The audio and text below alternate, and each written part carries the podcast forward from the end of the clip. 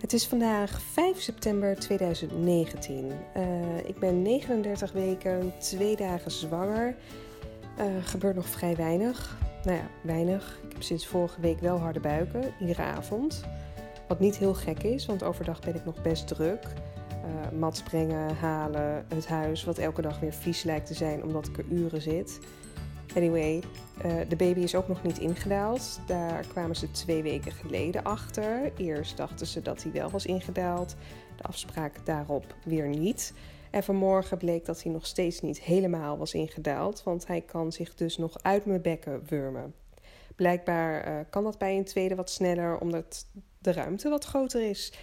Nou ja, als mijn vliezen nu breken, dan moet ik plat blijven liggen, omdat er anders een navelstreng of een handje als eerste naar buiten komt. En dat willen we niet. Dus zodra mijn vliezen breken, bellen en dan controleren de verloskundige hoe het allemaal zit. Uh, ja, nu de bevalling steeds dichterbij komt, denk ik dagelijks terug aan mijn vorige bevalling, die van Mats. Tweeënhalf jaar geleden. Ik kan me ieder moment en emotie, gedachte nog herinneren. Maar de pijn niet. En dat zal dan ook wel de reden zijn dat mensen kiezen voor een tweede kindje. Want ik weet nog wel dat mijn eerste woorden na de bevalling waren: Ik wil dit nooit meer. Afijn, ik kijk er wel positief op terug. Ook al was het vrij heftig. De bevalling is geëindigd met een vacuumpomp, wat vrij snel en grof gaat. En het gezicht van de gynaecoloog zal ik ook nooit meer vergeten, terwijl ze Mats er met de pomp uittrok. Zoveel kracht en concentratie wat op haar gezicht was af te lezen, waarbij ik alleen maar dacht: hoe vast zit hij eigenlijk? Dit had ik nooit zelf eruit kunnen krijgen. Maar een voordeel, wat ik deze weken constant om me heen hoor. Oh, maar nu is de doorgang vrijgemaakt door Mats, dus het zal vast allemaal wat gemakkelijker en sneller gaan. Daar hoop ik ook op en verder dan relaxed zijn kan ik niets doen. In mijn bevalplan staan vrij weinig punten, behalve dat ik in bad wil bevallen als ik dat op dat moment wil en er een bad vrij is in het ziekenhuis. Uh, en dat er foto's gemaakt moeten worden. Voor de rest laat ik het allemaal over me heen komen. Ik weet uit ervaring dat ik 80 wensen op kan schrijven, maar dat de situatie van dat moment me weer anders kan doen beslissen. Ik laat het hierbij en dan volg ik mijn gevoel. Dat lijkt me het beste. Oh ja, ik heb last minute wel een tensapparaat besteld. Uh, die wordt volledig vergoed door mijn verzekering. Het is een apparaatje wat met een soort elektronen werkt en op die manier pijnverzachtend is. Ik hoor er positieve verhalen over, dus ik hoop dat het mij die eerste pijn door zal helpen, of misschien wel de hele bevalling. Wie weet. Nou, nu, nu willen jullie vast weten hoe de vorige bevalling is verlopen. Die heb ik natuurlijk destijds uitgeschreven en op mijn website geplaatst, maar ik zal hem straks nog een keer vertellen. Voordat ik dat doe, laat ik een fragment horen van een gesprek tussen Alex en mij. We zitten in de tuin en kijken terug op de bevalling van Mats, 2,5 jaar geleden. Maar we kunnen ons elke minuut nog voor de geest halen.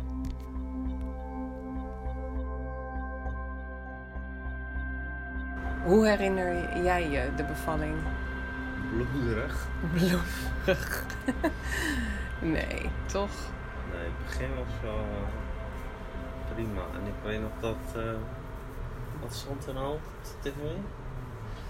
Het South Park. South Park. Heel, ja. heel de bevalling zat South Park op. Ja. Oh, omdat ik volgens mij had gevraagd of ze iets, iets anders op konden zetten. Ja, ik weet dat niet meer. Ik was zo moe.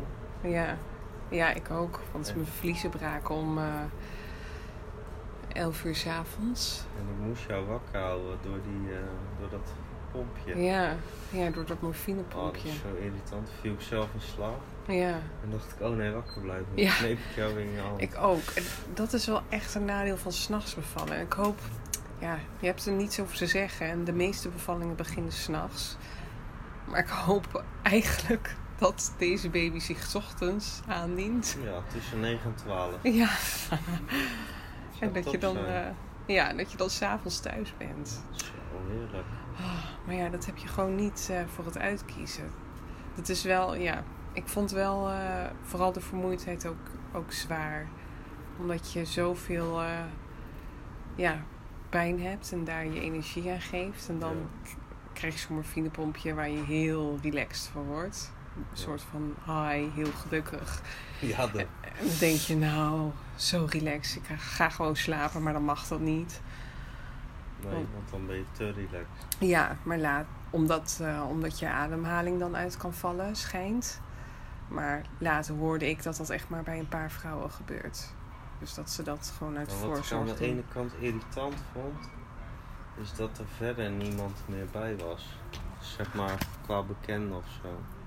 Ja, Als er zeg maar nog een goede vriend of zo, ja niet, dat klinkt misschien raar, maar ja als die- nodig even, nodig Arnold even. Of Davy. als die erbij zou zijn, dan zou het makkelijker zijn, want die houdt jou dan ook wakker. Ja, ja. Snap Of, je wat ik bedoel? ja. of je moeder. Of Ja. is het dan weer anders? Nee, dat is anders. Die, Ja. die gaat zelf ook alleen maar. Nee, nee, Die kan er niet aan. nee, doe maar niet. Nee. Ik had eh, een, ja, in mijn eerste bevalplan had ik opgeschreven dat er mensen bij konden zijn. Zoals mijn moeder, mijn schoonmoeder. Dat, dat vond ik allemaal niet erg. Maar op het moment zelf denk je... Oh, vind ik helemaal niet fijn.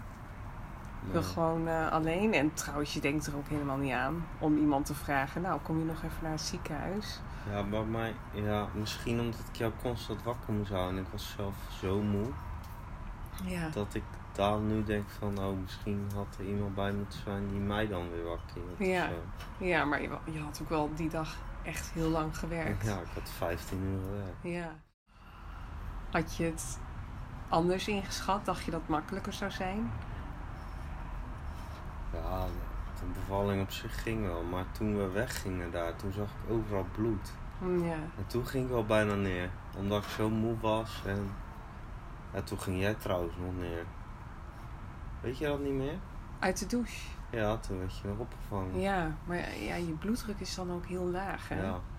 En toen, ehm, En toen liepen we daar weg en toen ging, we- ging jij naar zo'n zaal, zeg maar. ja, En toen keek die kamer in en ik zag overal. crime scene, plaatsdelict. Ja, echt. Ik zag overal bloed liggen en van die, eh, van die compressgazen vol met bloed. Ja, Toen dacht hij echt, eh, wat doe ik hier? oh, Oorlog. ja. Ja, dus dat was wel eh, heftig. Ja, dat. Maar verder was het wel prima. Ja, ja. Alleen dat beeld staat wel op mijn netvlies geschreven. Toen je wegging Toen en wegging. dat je terugkijkt. Ja. Ja. Nee, bij mij, bij mij op het netvlies staat vooral... eh, op het moment dat, dat ze die pomp gebruikten. Oh, dat ja, ze zo hard Kan die trokken. Duitse hel gaan. Ja, ik kwam toen binnen van, eh, nou we moeten heel snel zijn. Ik heb hier een spuit en ik zet, je, ik zet even snel verdoving en dan een knip en dan gaan we, gaat er vaak een pomp erin. Nee, maar ze praten ook zo. Oh ja, dat weet ik niet meer. Ja, dat weet Maar ik wel. weet precies nog de blik Zo. in haar ogen. En Dat, Toen schrok ik zo, hè. Want zij was ook een beetje in paniek van het moet nu snel. ja, En toen dacht ik, shit. Ja dat, ik was denk ik nog heel relaxed van dat pompje. Dus Ja. ik dacht van, nou ja, doe maar. Maar maakt niet net slager. Ja, maar dat, ja, gewoon dat beeld, dat ze haar ogen en haar gezicht, dat ze zo hard trok en Oh, dat was echt het zo hard, eh, eh, zo hard kracht moest zetten. Dat Ja, dat... was eigenlijk erger dan toen we weggingen. ja, Dat ja, beeld vergeet nooit meer. dat je voelt dat er zo hard aan je getrokken wordt en een gegeven moment dan eh, komt hij er wel uit en dan gaat het zo snel. Ik, ik was anderhalf uur bezig met persen en dan je hebt gewoon zelf het idee dat het totaal niet opschiet. En ook al zeggen ze, ja, het gaat hartstikke goed, het gaat Ja, hartstikke zeggen goed. ze alleen maar om je gerust. Ja, ik dacht, hij komt geen steek verder. Ik voel helemaal niets. Maar er was ook, toen zij, eh, toen Mats eruit werd gehaald, zeg maar, met die pomp. Ja? Zij was binnen één minuut weer weg. Ja, ze was heel snel weer weg. Echt zo'n slager. dat ja. zei mijn vader ook over Ja. de gynaecoloog. Ja, maar zo was het ook. Want Ja. alleen even, eh, ja. Even snel. Ja, het was ook heel druk die, die ochtend met andere, andere bevallingen. Want ik had al bijna volledige ontsluiting en ik moest al persen. Maar toen zeiden ze, wacht nog maar even. Want we hebben een andere bevalling. Ja. Eigenlijk ook raar. Ja, maar het was zo druk. En dat is het dus nu weer, wat ik hoorde. Ja, dat is bij Ellen. Ja, ik hoop echt niet dat ik naar een ander ziekenhuis moet. En anders, Lisan zei net van, dan beval ik toch thuis. Dacht, Ja, nou, niks ja. ervan. ik hoop dat we, als je moet bevallen, wel dicht bij Rotterdam zijn. Ja, doei. Kunnen we Rotterdam in zijn paspoort zetten? Nee. Ah, dat is toch mooi? Ja, mooi, eh, mooi voor daarna, maar voor nu, eh, nee. Mijn bevallingsverhaal van Mats in 2017. Van Mats ben ik bevallen eh, over tijd. Ik was 40 weken en 6 dagen zwanger en toen is hij spontaan geboren. Toen ik de 40 weken was gepasseerd, en dat zullen wel meer vrouwen hebben, dacht ik niet meer dat het eh, spontaan zou gebeuren. Ik dacht, het is nog zo rustig. Ik heb geen ontsluiting of niets. Er gebeurt nog niets. Dus ik zal wel ingeleid moeten worden. Of er zal wel iets moeten gebeuren. Waardoor eh, de baby geboren wordt. Maar uiteindelijk is het toch nog allemaal spontaan op gang gekomen. Op donderdag, wanneer ik 40 plus 5 dagen zwanger ben, heb ik een schoonmaakbui. Als je veel thuis zit, zie je elk stofwolkje en kruimeltje, waardoor stofzuigen en afstoffen dagelijkse kost is. Heb ik trouwens nu ook weer last van. Aan het einde van de middag besluit ik naar het dorp te wandelen, want het bewegen moet ik erin houden. Niet wetende dat die één uur durende wandeling misschien wel de aanleiding zou kunnen zijn. S'avonds stap ik om elf uur in bed en probeer nog een boekje te lezen. Opeens voel ik een keiharde soort knal in mijn buik. Ik denk, wat was dat in hemelsnaam? Het voelt alsof de baby ergens tegenaan schopt of een enorme stuiptrekking krijgt. Ik pak mijn vriend Google erbij, maar word er niet wijzer op. Zouden het dan toch mijn vliezen zijn? Nee, nee, ik voel geen nattigheid. Het bed is droog. Nee. Maar vijf minuten later wel. Ik voel een enorme golf naar buiten gaan en sprint zo hard ik kan naar de douche. Gelukkig heeft mijn sportbroekje het grote deel opgevangen, want onder de douche wordt het me duidelijk. Mijn vliezen zijn gebroken en alles vloeit eruit. Ik controleer het vruchtwater en het blijkt helder te zijn. Nou, dat is een opluchting. Mijn handen en knieën trillen van de spanning, want het is nu echt begonnen. Mijn vriend is ondertussen ook wakker geworden, maar ik vertel hem dat het nog wel even kan duren voordat de weeën zich aandienen en hij dus weer lekker verder kan gaan slapen. Ik besluit om half één mijn moeder te bellen en vertel dat het is begonnen. Oh, wat spannend, zegt ze. Bij mij duurde het een aantal uur voordat de weeën begonnen, dus pak nu nog maar even wat rust. Dat heb je wel nodig. Zodra ik ophang, voel ik een kleine menstruatiekramp. Om één uur. De kramp wordt al snel heftiger.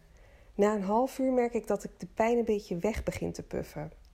Ik besluit om de weeëntimer aan te zetten en zie vrijwel direct dat er maar drie tot vier minuten tussen zitten en dat de weeën ruim een minuut duren. Ik maak mijn vriend weer wakker en vraag hem toch maar de verloskundige te bellen. Deze is net bezig met het afronden van de bevalling en belooft ons zo snel mogelijk te komen. Om twee uur. De verloskundige komt. Ze gaat mijn ontsluiting direct controleren. Drie centimeter. Het begin is er, maar nog niet voldoende om naar het ziekenhuis te gaan. Ze vraagt me of ik het oké vind als zij na twee uur terugkomt. Dat worden twee zware uren, denk ik, maar ik denk dat ik het wel aan kan. Met steeds meer weeën probeer ik verschillende houdingen uit. Op mijn knieën, hangend over de stoel, zittend op een skippiebal en zelfs lopend. Tussen de weeën door merk ik dat ik bijna in slaap val, dus de ontspanning zit er nog wel in. Om vier uur komt de verloskundige mij wederom controleren en probeert me voorzichtig te vertellen dat ik nog steeds op drie centimeter zit. Nou, dat schiet dus niet op. Ze besluit het ziekenhuis te bellen en vraagt of we alvast kunnen komen. Gelukkig is er een kamer vrij, dus de ziekenhuistas en maxicosi worden gepakt en we stappen in de auto. Tien minuten later komen we in het ziekenhuis aan en hijs ik mezelf in een rolstoel. Alex probeert zo snel mogelijk te rijden, maar terwijl hij over een drempeltje rijdt, krijg ik een heftige wee. Om half vijf kom ik in de verloskamer aan, ga ik op het bed liggen en komt de gynaecoloog zichzelf voorstellen. Er vertelt direct wat mijn opties voor pijnstilling zijn. Ik heb aangegeven hiervoor open te staan, dus ik krijg de opties te horen. In de afgelopen 20 minuten ben ik naar 6 centimeter ontsluiting gegaan, Dus een ruggenprik lijkt haar geen optie. Maar als ik er per se voor wil gaan, dan heb ik die keuze wel. Ik besluit toch om voor het pijnpompje te kiezen. Deze pijnsteling haalt de scherpe randjes van de weeën en laat je in een soort roesje komen. En dat is te merken. Ik mag mezelf een shot toedienen wanneer er een wee komt en die is vervolgens prima weg te puffen. Daarna val ik in een heerlijk ontspannen slaapje totdat de volgende wee zich aandient. Ik weet nog dat ik bij mezelf dacht: Nou, dit mag nog wel tien uur duren.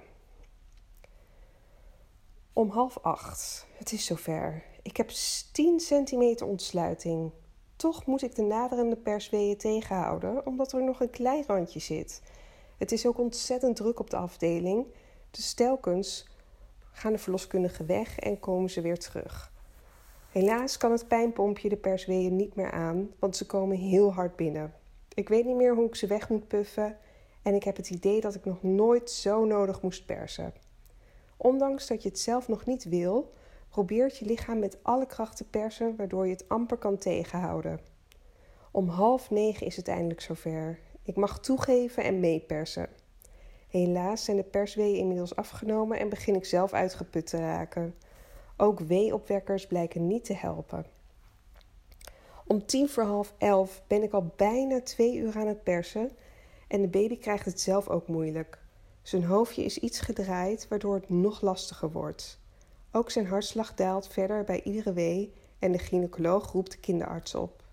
Die besluit vrijwel direct dat de vacuumpomp erbij gehaald gaat worden. Geen tijd meer te verliezen, want het gaat niet snel genoeg. Binnen 10 minuten is het gebeurd. Ik heb nog twee keer meegeperst en om 2 over 11 op 3 februari is onze kleine, gezonde en het prachtige mannetje van de wereld, Mats, geboren. Ik weet niet of Mats later op dit bevallingsverhaal zit te wachten om te horen hoe hij ter wereld kwam, maar ik vind het wel heel bijzonder om dat van mezelf te horen. Mijn moeder heeft haar hele zwangerschap namelijk bijgehouden via een dagboekje. Zo ook de bevalling. Ik weet nu precies hoe ik ter wereld ben gekomen en welke gedachten en emoties er door mijn ouders heen gingen. Op een zondag, ongeveer twee weken geleden, zat ik met mijn ouders in de tuin. En ik vroeg ze of ze mijn geboorte nog goed voor de geest konden halen. Het is tenslotte al iets meer dan 30 jaar geleden. Nou, voor jou, ja. Het is gewoon ja, heel bijzonder. Dat die Ja. buik groeit en dat daar iets in zit en dat jij daarin zit. Ja, Dat vond ik wel bijzonder. ja. Ja. Ja. eh, En de, ik en de eh, bevalling uiteindelijk? Ja, die, nou, aan de ene kant wel spannend, want het begon eh, s ochtends. Eh, ik was toen geloof ik, eh, was ik nog even naar het werk gegaan? Ja, ik denk ik het dacht het wel, ja. Ja. ja. begon toen met de weeën en toen ben ik eh, rond een uur of twaalf zoiets ben ik weer naar huis gegaan, zeg maar. Ja, omdat het toch wel ja, eh, want ik, eh, ging. ik werkte toen in Zeist, hè? Oh nee, nee, nee, in Arnhem wel. In Arnhem, ja. Ja, was 1986 was dat. Ja, ja. Dus eh, toen ben ik naar huis gegaan en eh, ja, toen, eh, toen ging het. Maar het was eigenlijk wel spannend omdat, eh, omdat je een stuit was, zeg maar. Ja. En, eh, maar dat heb je op dat moment niet door. Dus je bent alleen maar gefocust op ja, zeg maar het proces. En die ontsluiting, dat, dat ging vrij langzaam. En, toen aan het eind van de dag ging ik naar het ziekenhuis toe. Ja. Dus, Ja, ik en werd, eh, toen, eh, dat werd toen wel spannend hoor, vond ik. Gynaecoloog erbij en eh toen was even de vraag van gaat het nog lukken of gaat het nog niet lukken. Ja, want zoals Ja. tegenwoordig neemt ze heel snel de beslissing om een keizersnede uit te voeren. Ja, Of ja. eerst de baby Ja. proberen te draaien. Hadden ze dat bij jou ook gedaan? Ja. Mij geprobeerd te draaien? Ja, dat deden ze wel. Probeer te draaien, maar dat je draait net zwart weer terug. Ja? Ja. Oh. Lach gewoon lekker, blijkbaar. Ja, ik, ja. Nou ja, het was wel zo, je had eh, kwakkel als, eh, of kwikkel of hoe heet Kwikkel. het? Kwikkel had je Ja. als, eh, als eh, gynaecoloog. Ja. Die, stond wel goed aangeschreven, Ja. begreep ik. Hè? Want eh, er was ook een andere gynaecoloog, dat was eigenlijk meer een slager. Ja, Slager. slager? Ja. Ja, dus, eh, ja, volgens mij had hij bijnaam van een slager. En ik vond het gewoon prettig dat hij helemaal onder bloed zat. Ja, die had ook hele grote laarzen.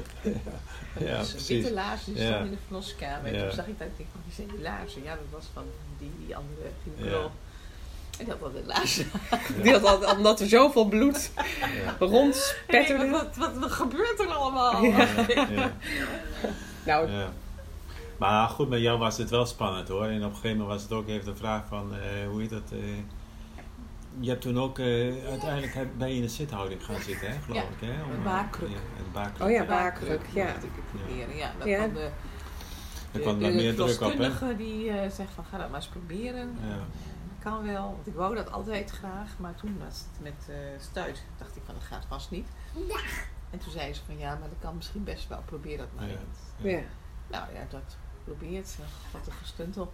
Ja. En eh, op een gegeven moment duurde het te lang, dus toen eh, moesten ze een beslissing nemen van eh, toch een keizersnee. Ja. Dat het allemaal te lang duurde. Dus er werd al bloed afgenomen en eh, toen hebben ze nog even weer gekeken. En eh, nou ja, toen kwamen de weeën wel zo krachtig dat het uiteindelijk toch nog lukte. Ja, toen op de natuurlijke manier. Ja. Ja, ja, Ja. pas op het laatste hoor. Ja. Ja. Maar goed, ik, ik, ik, ik had wel een petje af voor, van mama hoor. Dat is echt, eh, ze zet wel door en echt van dit, dit gaat maar lukken. Dus eh, ja, was wel bijzonder. Ja, Ja, ja. vind ik ook. Tegenwoordig Ja. zie je dat ook niet meer zo snel. En vooral omdat het ook risico's met zich meebrengt. Maar ja, Ja, nou ja, goed, je staat natuurlijk in het ziekenhuis, maar op, op het moment als je daar, als je daar bent, dan, dan, dan ben je daar niet echt van bewust. Hè? Ik bedoel, je zit helemaal midden in dat proces en dan, eh, ja, dan, dan ben je alleen daarmee bezig. Maar Ja. die risico's, daar ben je niet echt eh, heel erg eh, van bewust. Dan komt later, komt uiteindelijk pas naar foto, oh jee, dat had nog allemaal fout Ja, gaan, dat had ja. kunnen gebeuren, dat had kunnen gebeuren. Ja, denk Dus, ik ook. eh, dus, ben je op dat moment niet echt ja, mee bezig. nee, nee. Dan denk je, ik ben toch ik ben wel veilig in, Ja, in de ja, handen van de ja. doktoren. Ja. Ja, Ja, ja. Maar ik denk dat je als man zijnde er echt naast staat van eh, ik wil iets doen, maar ik kan helemaal niks Ja, doen. nee, dat klopt, dat klopt. Ja, ja maar je kunt helemaal niks. Nee. Ja, klopt. Nee, Dus je bent eigenlijk, eh, ja, ja, je kunt, eh, ja, mama kun je ondersteunen, ja. maar dat is het dan. Dus, eh, En dacht je niet van, nou ja, als dit de volgende keer maar niet zo gaat, of de volgende keer ga ik dit nee, anders nee, doen? nee, nee, dat denk je niet. Op dat moment, nee, dat denk je niet. dat moment Nee, niet. Nou, nee. later misschien wel, toen bij de tweede zwangerschap. Ehm, ja, nou ja, Jeroen was gewoon een normale bevalling, zeg maar. En Ja. eh, toen was ik eigenlijk wel verrast zodat het zo makkelijk kon gaan. Ja. Nou ja, ook wel ingeleid, toch? Ja, dat Omdat wel, Jeroen, dat wel, eh, dat wel. Maar gewoon, ja. gewoon maar dat het zo makkelijk ging. Hè? Ik bedoel, in één keer was Jeroen daar. En Ja. eh, eh, echt zonder enige problemen, zeg maar. Dus dat vond ik eigenlijk wel, eh, wel bijzonder dat het dan ook zo kan. Ja. Ja. Dat, eh, je hoort vaker dat de tweede wat makkelijker gaat en de derde ook. Ja, ja. Ja, dat is gewoon het pariteitseffect, hè? Ja, Ja. ja. dus ik hoop eh, ja, dat het bij mij ook zo zal zijn. Dat het in ieder geval de Ja, helft... nee, daar kun je wel eh, vanuit gaan. Kun je wel vanuit Maar je weet niet, weet je wat je te wachten staat. Nee. Je weet wel mee. Ja, ja, ja, maar ook, ook weer niet. En dan in het geval van eh, nou ja, een bevalplan bijvoorbeeld opstellen, dat moet bij de verloskundige, of moet niet, maar je kunt je wensen aangeven. En ik heb nu zoiets van, ja, uiteindelijk loopt het toch allemaal anders. Ja, Dan, is ook zo. Is. Nou, ik vond wel toen bij de tweede, toen dacht ik van, oh, een tweede. Kan ik dan ook wel van de tweede net zoveel houden als van Ja. de eerste. Ja, dat vraag ik me ook constant af hoor. Zie net zo, zo, kan je dat zo, zoveel van een kind houden Ja. als van de eerste? Maar dat, dat kan natuurlijk Ja, dat hoor ik van iedereen Ja. dat het kan. Maar het is nog wel dat ik in het begin van de zwangerschap sowieso dacht... als die baby maar niet te veel aandacht vraagt... want ik wil er voor mat zijn. Ja. Ja, ja. Terwijl je denkt, ja, je moet je, moet je aandacht Ja. gewoon verdelen. Ja, het is niet anders. En eh, ja, de baby zal waarschijnlijk wel wat om meer aandacht vragen. Maar Ja. dat... Ja. eh, ja, nou ja, goed, ze zijn natuurlijk beide even lief, hè. Zo Ja. moet je ze ook behandelen. Ja, en, geen onschijn maken. Ja. Ja. Nee, dat kun je. Bij de tweede en bij de derde was dat niet zo, maar bij de tweede ja, is het toch anders. ja. En ook van hoe moet ik dat dingen doen? Hoe doe ik dat nu dan met twee kinderen? Ja, van, nou, en dan, het gaat toch allemaal wel. Ja. En het is even wat uitvoegen die jullie nu makkelijkst doen. Ja, en hier en daar Ja. ook op improviseren hoor. maar Maar het moet ook wel eh, altijd wat makkelijker zijn ja, inderdaad. ja. En je hebt een box met een kind neer, met de insport vaak in. Ja, Die laat je wat langer staan dan bij de eerste. Ja. Omdat het toch makkelijk is. ja, en weet je, een dat- tweede kind voelt zich dan ook makkelijker. Ja, Dat hij dan weet, ja, op een of andere manier voelt, dat, dat, dat, dat je wat minder aandacht hebt. Of dat je aandacht moet verdelen. Dus dat de tweede ook vaak wat rustiger is. ja, ja. Word je vaak. Oké, de bevalling van mijn moeder. Van mij, ruim 30 jaar geleden. Ter info, ik lag eh, geruime tijd in de stuitligging en ben rond 32 weken in de juiste ligging gedraaid. Een paar weken later besloot ik toch weer in stuit te liggen en in te dalen, waardoor zowel mijn moeder als de verloskundige rekenen op een stuitbevalling. Hiervoor moest ze naar het ziekenhuis, maar een keizersnede was in eerste instantie niet nodig. Ze ging het op de natuurlijke manier proberen. Respect. Ik heb het stukje uit haar dagboek overgetypt. Ik ga hem nu aan jullie voorlezen.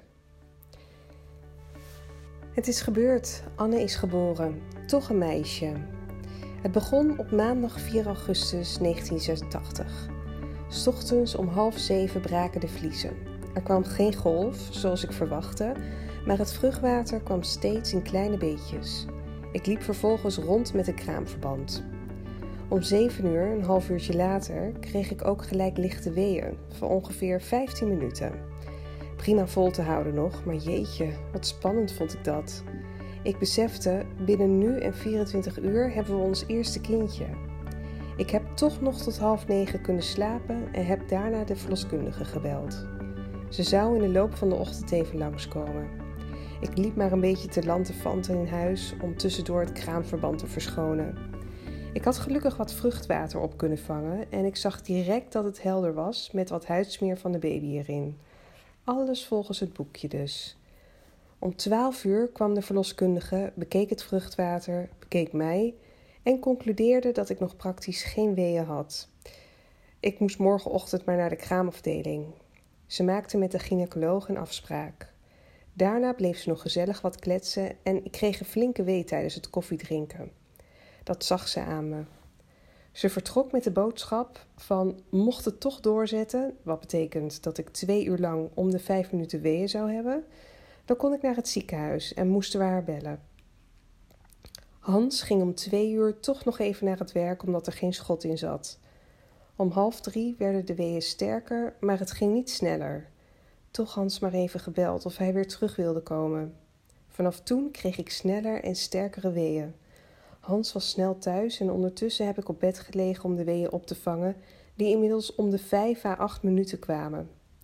Om half vijf de verloskundige gebeld. Maar die was aan het wandelen met de hond en in die tijd dus niet bereikbaar. Toch het ziekenhuis maar even gebeld met de vraag of we konden komen. Ik was blij dat we erheen gingen, de weeën werden steeds pijnlijker. Ik hoop dat het opschoot. 4 à 5 centimeter ontsluiting zou al heel mooi zijn. Op weg naar het ziekenhuis verschillende weeën gehad en bij het uitstappen weer. Ik voelde me flink beroerd. Snel naar de kraamafdeling. Waar was die ook alweer? Op de afdeling op zoek naar de zusterspost. Hans vertelde waar we voor kwamen. Ik dacht alleen maar: schiet op, ik verga van de pijn. De zuster vroeg of ik er zin in had. Zin? Nou nee, maar ik ben wel blij dat het nu eindelijk gebeurt, zei ik. Ruim een week later dan de uitgerekende datum. Ik mocht direct door naar de kleine verloskamer, waar een leerling al bezig was om alles klaar te zetten. Ze vertelde dat dit haar eerste bevalling was, maar ze leek er erg rustig onder en was heel aardig tegen me. Het maakte mij ook niets uit, want ik wist dat er ook altijd een arts aanwezig zou zijn. Ik werd aan het CTG-apparaat gekoppeld. De weeën kwamen nu erg snel en ik had er moeite mee om ze op te vangen. Het wegzuchten ging ook niet zo goed. Lekker diep doorzuchten was wel wat fijner. Een assistent ging toucheren en zei dat het flink gevorderd was, namelijk 7 centimeter. Hoera! Ze was erg aardig en het CTG-apparaat mocht er dan ook weer af. Nu kwam de gynaecoloog binnen die zei dat ik rustig en systematisch de weeën moest opvangen. Ik dacht alleen maar, wat een engert. Of top ik. Dit is de man die mijn vader waarschijnlijk omschreef als de slager, als ik het zo hoor. Bij de wee die daarop volgde, deed hij voor hoe het wel moest. Dat hielp. Toen hij mij toucheerde, zei hij dat het nog enkele centimeters tot de volledige ontsluiting was. Ondertussen waren de weeën zo heftig dat ik dacht dat ik mijn rug zou breken. Hans probeerde daarom ijverig mijn rug te masseren. De gynaecoloog vroeg of ik niet op de baarkruk wilde zitten. Ik was helemaal verbaasd. Kan dat wel bij een stuitligging? Jawel, antwoordde hij. Hij had het al vaker gedaan. Dus ik op de baarkruk en Hans ging achter me zitten. De weeën werden nu wat minder sterk. Ik kreeg een infuus met syntocinon, ook wel bekend als weeënopwekkers. Eindelijk kreeg ik persdrang. Het gevoel alsof je flink moet braken, maar dan van onderen. Het zware werk begon. Het leek alsof het niet opschoot. Maar de artsen riepen enthousiast dat het prima ging. Ik mocht een uur persen vanaf zeven uur, inmiddels avonds. Om half acht werd er bloed geprikt waar ik een behoorlijke blauwe plek aan overhield. Dit moet voor het geval dat het toch een keizersnede zou worden. Ik dacht toen, dat zal me niet gebeuren. Na al dit werk een keizersnede? Dus ik perste zo hevig en lang als maar mogelijk was. De verzekering van de artsen dat het geweldig ging, stimuleerde me enorm. Op een gegeven moment voelde ik dat de baby bijna kwam. En ja hoor, eerst de billetjes en na wat geruk en getrek het lijfje en het hoofdje. Anne werd om kwart voor acht geboren en is gelijk weggebracht naar de kinderarts die al in de verloskamer stond. Ik had hem zien staan tijdens het persen, maar wist niet wie hij was. De placenta werd er ook gelijk uitgetrokken. Alles ging nu in sneltreintempo voor mijn gevoel. Anne huilde niet gelijk en zag erg blauw. Ze werd uitgezogen en ik was bang dat er iets met haar aan de hand zou zijn. De kinderarts werd erg stil, maar Hans stond erbij en aan hem zag ik dat het wel goed zat. Ik werd inmiddels op een bed gehecht, want ik was ook iets ingescheurd. Het hechten duurde lang en was vrij moeilijk. Het zweet stond bij de gynaecoloog op het voorhoofd. Anne kwam aangekleed en al bij me op de buik liggen. Ik herkende niets en kon me niet voorstellen dat zij in mijn buik had gezeten die negen maanden lang. Ik had gedacht dat ik erg emotioneel zou reageren, maar dat was niet zo. Eigenlijk was ik er vrij nuchter onder en blij dat de bevalling achter de rug was. Volgens het team had ik het geweldig gedaan en de gynaecoloog vond het lang niet zo gek voor iemand die zelf een verpleegster is.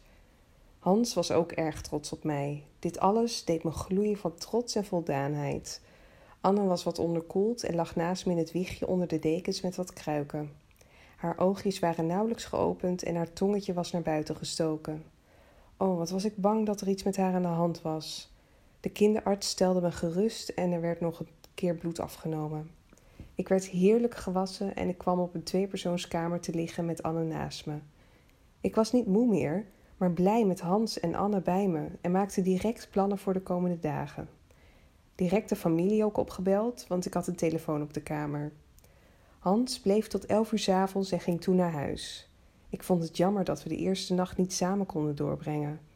Anne werd van de kamer gehaald door de nachtdienst en ging naar een apart babykamertje.